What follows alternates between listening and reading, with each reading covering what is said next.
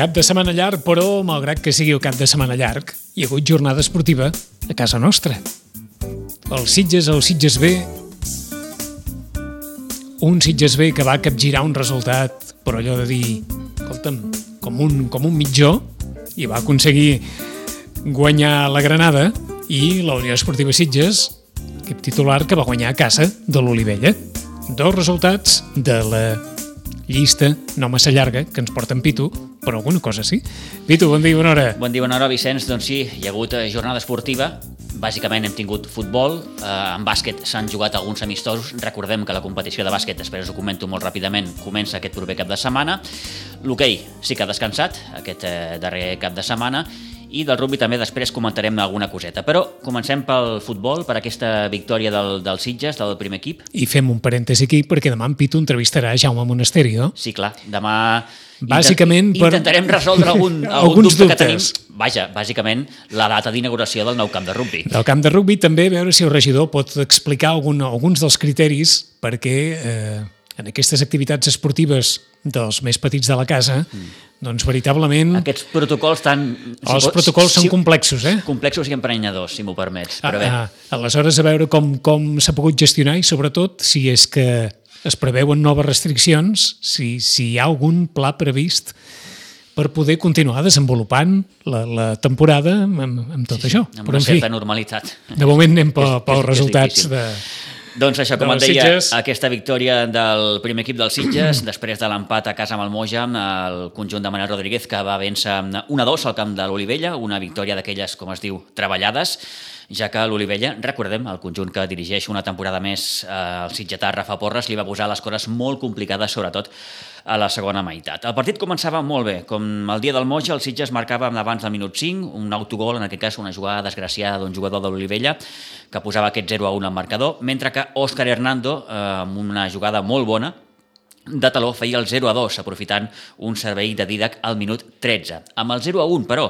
l'Olivella ja va posar en dificultats la porteria dels Sitges, amb dues bones ocasions ben resoltes per Jordi Fernández. I a la segona part, més problemes pels Sitges que, eh, bé, sortosament no va acabar encaixant cap gol, però mm, al 64 eh, arribava l'1-2 de Lluís Navarro, que suposava, com dèiem, aquest 1-2. Eh, per sort pels Sitges, l'Olivella es va quedar amb les portes d'un millor resultat i en línies generals podem dir que va ser un, un, un derbi molt ben disputat, molt ben jugat per part dels dos equips, eh, sense cap allò mm, jugada lletja, ho destacava després el, el Rafa Porres.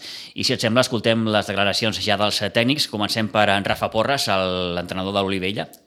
Potser deia que els havia passat una mica de factura el fet d'haver encaixat aquest gol eh, tant d'hora, però en línies generals satisfet del rendiment de l'equip. La primera part pues, hem tingut un accident perquè el primer gol ha sigut un error d'aquests que no acostumen a passar, un porter se li ha escapat amb una acció a priori sense perill, això ens ha deixat una mica descol·locats, doncs el Sitges amb una acció ben elaborada ha fet un gol molt maco, després jo crec que inclús abans del segon gol hem tingut alguna altra acció, una jugada d'estratègia que el porter seu ha blocat molt bé, que podíem haver tingut a, a l'empat, i s'han fet el segon, però bueno, no hem perdut mai el partit i la cara i hem seguit persistint, insistint i la primera part pues, inclús hem tingut alguna carta arribada. A partir d'aquí, la segona part jo crec que estic jo supercontent de, de l'actitud que han tingut els nostres nois, perquè jo crec que ens mereixíem quelcom més, crec que tenir 45 minuts més al descompte pràcticament els Sitges al seu camp és mèrit dels jugadors perquè tenen un alt, els Sitges té un nivell tècnic molt alt i és complicat pues, treure-s'hi la pilota però amb una pressió alta i amb una actitud excel·lent dels meus jugadors doncs hem fet el, el 1-2 i hem tingut alguna que altra ocasió d'aconseguir un empat que considero, vist els 90 minuts, no hagués estat eh, injust. Però bueno, futbol són gols, ells l'han ficat dues vegades, nosaltres no hem estat encertats els últims metres i res, ara doncs, toca el que els jugador, doncs, tragar saliva, tragar aquesta impotència i aquesta ràbia que fa, però bueno, això és el futbol, som un equip en fase embrionària, estem creixent i, i, i d'això també s'aprèn. Bé, el Sitges eh, ha tingut un parell d'ocasions a la segona part, sobretot els últims 15 minuts, que quan el Sitges per el canvi i això, s'ha reclamat gol d'una jugada. Eh, com l'ha vist des de la banqueta de, de l'Oliver? Ho dic perquè jo des de la meva banda no l'he vist, eh, ha sigut una jugada molt ràpida, però també reclamaven o bé gol o bé penal. Jo crec, des de la banqueta, Toni, no es veu les coses clares, vull dir, el que passa que a vegades el cor et pot, et, fo, et pot fer d'una cosa a altra. A mi m'ha semblat que possiblement ha sigut gol, des d'on estava jo, però també m'ha semblat amb els Sebas que li han fet un penal claríssim, no sé si amb el 0-2 o amb el 1-2, que també són dues accions bastant, m'ha semblat bastant clares per un costat o per l'altre. Per tant, jo crec que això l'àrbit pues, ha impartit justícia inclús amb aquestes accions. No? Eh, que possiblement ha sigut penal a favor dels Sitges, no ho discuteixo, però en cap moment tampoc discuteixo que no ha sigut penal a favor nostre. Però bueno, dintre tot, jo crec que l'àrbit ha fet un arbitratge bastant bo, és difícil, vale? ja és un camp de dimensions reduïdes, hi ha molta intensitat, però bueno, em quedo la sensació de, de que els meus jugadors ho han donat tot, eh, ha sigut un derbi maco, ha sigut un derbi esportiu, ha sigut un derbi amb molta intensitat, però sense futbol soterrani ni, ni males actituds per part de amb dos equips i l'única tristesa que en queda és que el partit malauradament ha estat a porta tancada i, i la gent no ha pogut gaudir d'un partit d'un derbi comarcal de segona catalana que la veritat que des del meu punt de vista ha estat a l'alçada. Rafa Porres, a porta tancada, Sí, sí, mm. Olivella és un dels camps que, de moment, no pot, Tancat accedir, i barrat, eh? no pot accedir al públic. Rafa Porres, el tècnic de l'Olivella, mm, una miqueta tristot pel fet d'haver perdut, però content, com et deia, per la bona actitud que ha tingut l'equip. I Manel Rodríguez, el tècnic dels Sitges, eh, satisfet, evidentment, per la victòria, conscients, com deia, que venien a un camp complicat. No, no, no, ja sabíem que no. Això venim parlant tota la setmana, que aquí amb aquesta intensitat que tenen ells i que tenen bons jugadors, eh, que tenen algun jugador que ho fa molt bé, vull dir que no, no, està, estem molt contents de la victòria, per nosaltres és una victòria importantíssima guanyar aquí. Uh -huh. Ha començat força bé, els Sitges, de fet, a los primers minuts, eh, com, com la setmana passada, eh, també ha marcat un golarro eh, l'Òscar, eh, doncs, eh, i, i fins i tot ha tingut eh, arribades bones al Sitges a la primera part. Potser ha faltat una miqueta la segona, quan ells s'han apretat més, no? S'ha perdut una miqueta, eh, allò de jugar llarg i això, no es pot jugar mm, en curs, eh, una miqueta el joc al mig del camp, no? Que depèn de les lectures que facis. Penso que la primera part el resultat just és un 0-3, perquè ens anul·la un gol que no deixa jugar, està deixant la llei de l'avantatge tot el partit, i una que fent gol, pita falta, tremendo, i ells han tingut 20 o 25 minuts a la segona part, sabíem que passaria, sabíem que ells arriscarien molt, i bueno, però hem acabat molt bé. La veritat és que ha hagut una jugada que la pilota ha entrat i la treuen a la mà, que és penal i expulsió com a mínim, que no entenem per què no ha pitat. I després hem tingut una mà de Carlos amb el porter, penso que les ocasions més clares les hem tingut nosaltres. I ells pues, ens han apretat, sí, molt d'apretar, però tampoc no, no, no és que hagin passat moltes angúnies, el que passa és que el control, en, en un partit així, el control eh, és complicat perquè la pilota està més a dalt que a baix i llavors, pues, bueno, eh, en qualsevol jugada que bota la pilota, pues, com el gol que ens han fet, no? que ha sigut un gol molt tonto, però...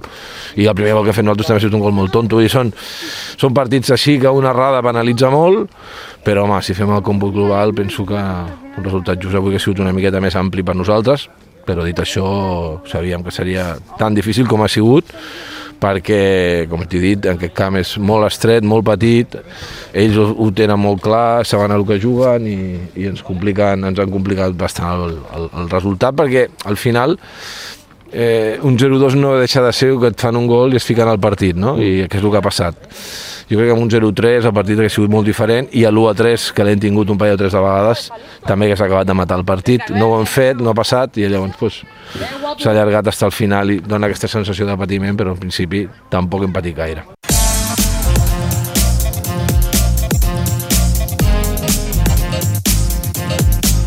Així van anar les coses a Olivella. Sí, eh, deixa'm dir que el Sitges ara mateix, després d'aquestes dues primeres jornades, és segona a la classificació, té 4 punts, i el proper partit serà diumenge que ve a Iguadols davant la unificació Bellvitge, a un quart d'una del migdia. A Iguadols ja ho saben que s'hi pot anar, sí. sempre i quan es posin en contacte amb, sí, sí, el club, amb el club, eh, una llista les famoses llistes, eh? Les llistes, les la, llistes. el termòmetre a l'entrada... Això no falla. Mm, que això si no estàs a 36 sí, sí. i mig, si estàs a 30...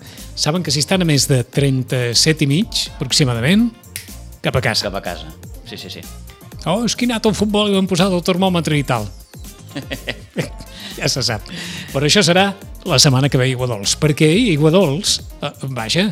Sí, sí, eh, dissabte es va viure un partit d'aquells... Eh, patíem pel temps, perquè clar, estava el cel allò a punt de, de, de patar. O d'hauríeu tornar a casa i va baixar tota... Sí, sí, eh, va ser allò, eh, posar els peus a casa i començar, i començar la pluja. En aquest sentit ens vam, ens vam salvar, però... Eh, que no és el primer cop, eh? No, no, no. no Perquè en molts casos allà s'ha viscut de tot, però, I tant, i tant. però eh, sí que havia plogut, no? Perquè el terreny estava Mm, quatre gotetes. Quatre gotetes, quatre eh? gotetes. No, no, no el suficient com per, per, per patir massa, però en qualsevol cas la, la pluja forta va començar re, coincidint gairebé amb el, amb el final del partit. Vam haver de córrer una miqueta. Però bé, destaquem aquesta victòria del Sitges B davant la Granada 4-3, un triomf, com es diu en aquests casos, in extremis, ja que al minut 85 la Granada, atenció, guanyava 2-3, eh? després de capgirar un 2-0. Dani Migley i Marc Navarro posaven aquest 2-0 a la primera part i a la segona, com dèiem, la Granada va ser capaç de remuntar marcant tres gols, un d'ells eh, de penal.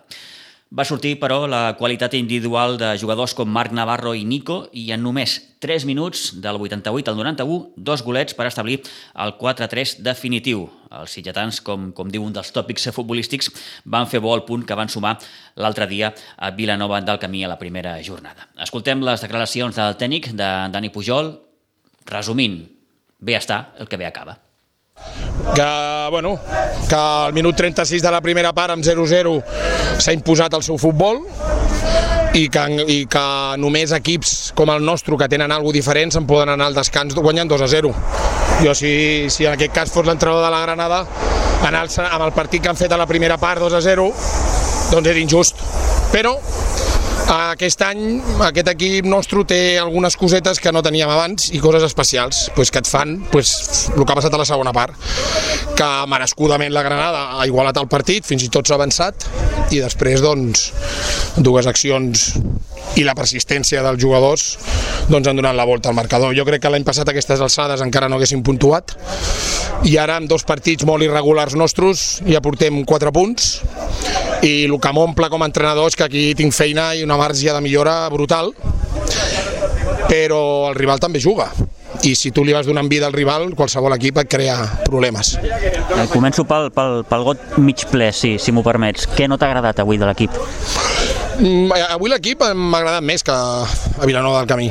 Després de la primera part ens hem carregat en tres targetes, sobretot els dos laterals, i tampoc ha sigut un partit de dir és que has tingut vuit ocasions de gol, vull dir, nosaltres quan hem arribat hem matat.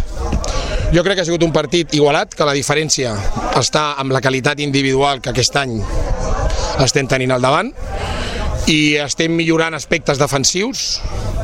Tot i amb això en dues jornades ens han fet 5 gols.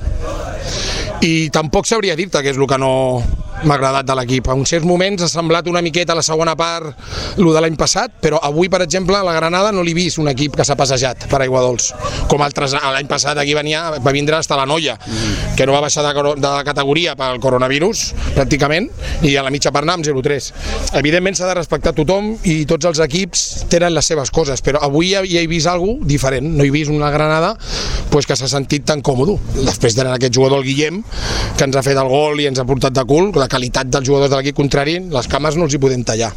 Però avui no sabria què dir-te, el que no m'ha agradat i el que m'ha agradat de l'equip potser tampoc, però tenim Nico, tenim Menard Navarro i Gràcia, la segona part, i aquests són jugadors que marquen la diferència. La balança es decanta precisament per això, per, aquesta, per aquest tret diferencial que, que, que marquen homes com, com els que has citat ara mateix, Marc Navarro, Nicos, sí. són autèntics punyals allà al davant. Sí, a part, eh, eh, jo, jo he jugat tota la, tota la vida de delanter, a mi un delanter que per fer un gol necessita 10 ocasions tindrà altres virtuts, però és que aquests, eh, el Marc i el Nico avui han tingut dues ocasions cada un i han fet tres gols entre els dos. -huh. uh, bueno, són jugadors diferents, són jugadors que crec que tenen potencial per ser dels millors jugadors de la categoria. I els que hem jugat a futbol ho veiem. Jo, jo vaig perdent i vaig l'altre dia amb 2 a 1 i tinc aquests jugadors al camp i sé que en qualsevol moment puc empatar. Ara, dit això, hem de millorar molt com a equip i en el moment en què millorem com a equip i a part tinguem aquesta energia i aquesta qualitat al davant, doncs crec que podem fer un pas endavant i millorar la classificació de la temporada passada. Incidies fa uns moments, Dani, en el, en el tema defensiu, els dos gols que us fan a Vilanova del Camí i els tres d'avui. Sí, són, aviam, jo crec que... Clar, sí que hi ha marge de millora perquè tot just portem dues jornades. Sí, exacte, vull dir... Eh, estem amb el que estem. Mm, jo durant la setmana hem, hem, ho hem parlat, el nostre problema no és de tindre millors defenses o menys, d'estar mal posicionats. Eh, moltes vegades el problema el tenim en el moment en què recuperem la pilota. A la primera part hem estat 37 minuts en un fronton i en canvi la gent de darrere ha estat 0-0, la gent de darrere no han tingut opcions i s'han portat molt bé. Després també deixen fer una miqueta de... que als entrenadors ens agrada plorar. Avui no tenia ni Rafa ni tenia Fonoll, que entre cometes podien dir que són els dos centrals titulars. Crucelles impecable i Martínez impecable. Això també és un, és un punt a favor de l'equip. Dani Pujol, ha quedat molt gràfic això de la primera part, 37 minuts en un frontó. En un frontó, sí, sí, sí. sí. Pam, pam, pam, i no hi ha manera, eh? I no hi ha manera. I no hi ha manera. Bé, doncs, eh, com ell destacava, eh, probablement aquestes alçades la temporada passada mm, no portarien 4 punts, però la qualitat individual, repeteixo, dels jugadors a vegades fa de cantar la, la balança en partits complicats com, com, com el de dissabte sense anar, sense anar més lluny. El proper partit del filial dels Sitges, recordem, serà dissabte que ve al Camp de les Cabanyes, després d'aquestes dues primeres jornades, és cinquè a la classificació, té 4 punts, eh, una classificació que passa lidera el Riu de Villes amb eh, 6 punts. Eh, en futbol també deixa'm destacar la derrota de l'equip femení dels Sitges. Eh, hi havia certes esperances en, en que aquesta temporada les cores anessin una mica millor que no pas la última. Eh, va jugar amb ahir eh, davant el camp Parellada i van encaixar un 12-0 Ui. que ara mateix el deixa coer a la classificació. De moment, dos partits, dues derrotes, per tant, les coses no comencen massa... Caram, quin resultat. Sí, sí, massa, massa bé. Arribes a casa, què ha passat? 12 a 0. 12 a 0, sí, és una, una bona panadera, com, com deien oh. les àvies. Eh? Sí, sí, oh, i tant. Eh, això pel que fa al futbol. Eh, rugby, Dilluns passat et comentava allò de les dates, doncs sí. ja, ja hi ha dates. Eh? L'Assemblea de la Federació Catalana de Rugby va aprovar l'inici de la competició al cap de setmana del 28 i 29 de novembre. Per tant, ens quedem a prop d'un dels possibles escenaris que es plantejaven, que era començar el cap de setmana del, del pont, del 5 i 6 de, de desembre. Serà, per tant, una setmana abans. Eh, això sí, hi haurà menys partits per tal de poder disposar d'un marge de cara a possibles eh, ajornaments. Seran lligues més curtetes, grups amb menys equips, eh, per això, perquè hi hagin caps de setmana lliures i poder disputar aquells partits que s'hagin de, de, de, de disputar. Uh, una primera fase amb quatre grups i una segona fase amb lligues de sis equips en funció de la classificació que uh, hagis obtingut a la primera fase. Però bé, això ja ho anirem uh, comentant a mesura que, que s'avanci a l'inici de temporada i, com dèiem, demà tindrem l'ocasió de saludar Jaume Monasterio, regidor d'Esports, per preguntar-li doncs, algunes qüestions, ja no tant pel que fa al Rugby Club Sitges, sinó, bàsicament, quan es podrà estrenar al camp. Hauria de ser aviat. Mm -hmm. Hauria de ser aviat. Home, que perquè enxampi l'inici de temporada amb el camp. Sí, home, mm? jo, jo crec que sí, jo crec que sí, jo crec que sí. I deixa'm acabar amb una de bàsquet, perquè el bàsquet de Sitges eh, obre la temporada. Aquest proper dissabte, dia 17, s'enfrontarà amb el Club Nou Bàsquet Vilanova, amb la Pinsbens, a tres quarts de sis de la tarda primer partit de la fase regular. En el darrer amistós de pretemporada, els sitgetans van superar el Samà de Vilanova, 73-72, un equip eh, que és de primera catalana, recordem, el bàsquet Sitges que manté gairebé en la seva totalitat eh, el mateix bloc de la temporada passada i ha incorporat només dos jugadors, Nacho Velasco i Omar Tiam, que en dos ja coneixen el club sobradament perquè hi han jugat eh, en, en anteriors ocasions. 10 i 17 minuts. Pitu, gràcies. De res. Petita pausa ara perquè hem de fer neteja.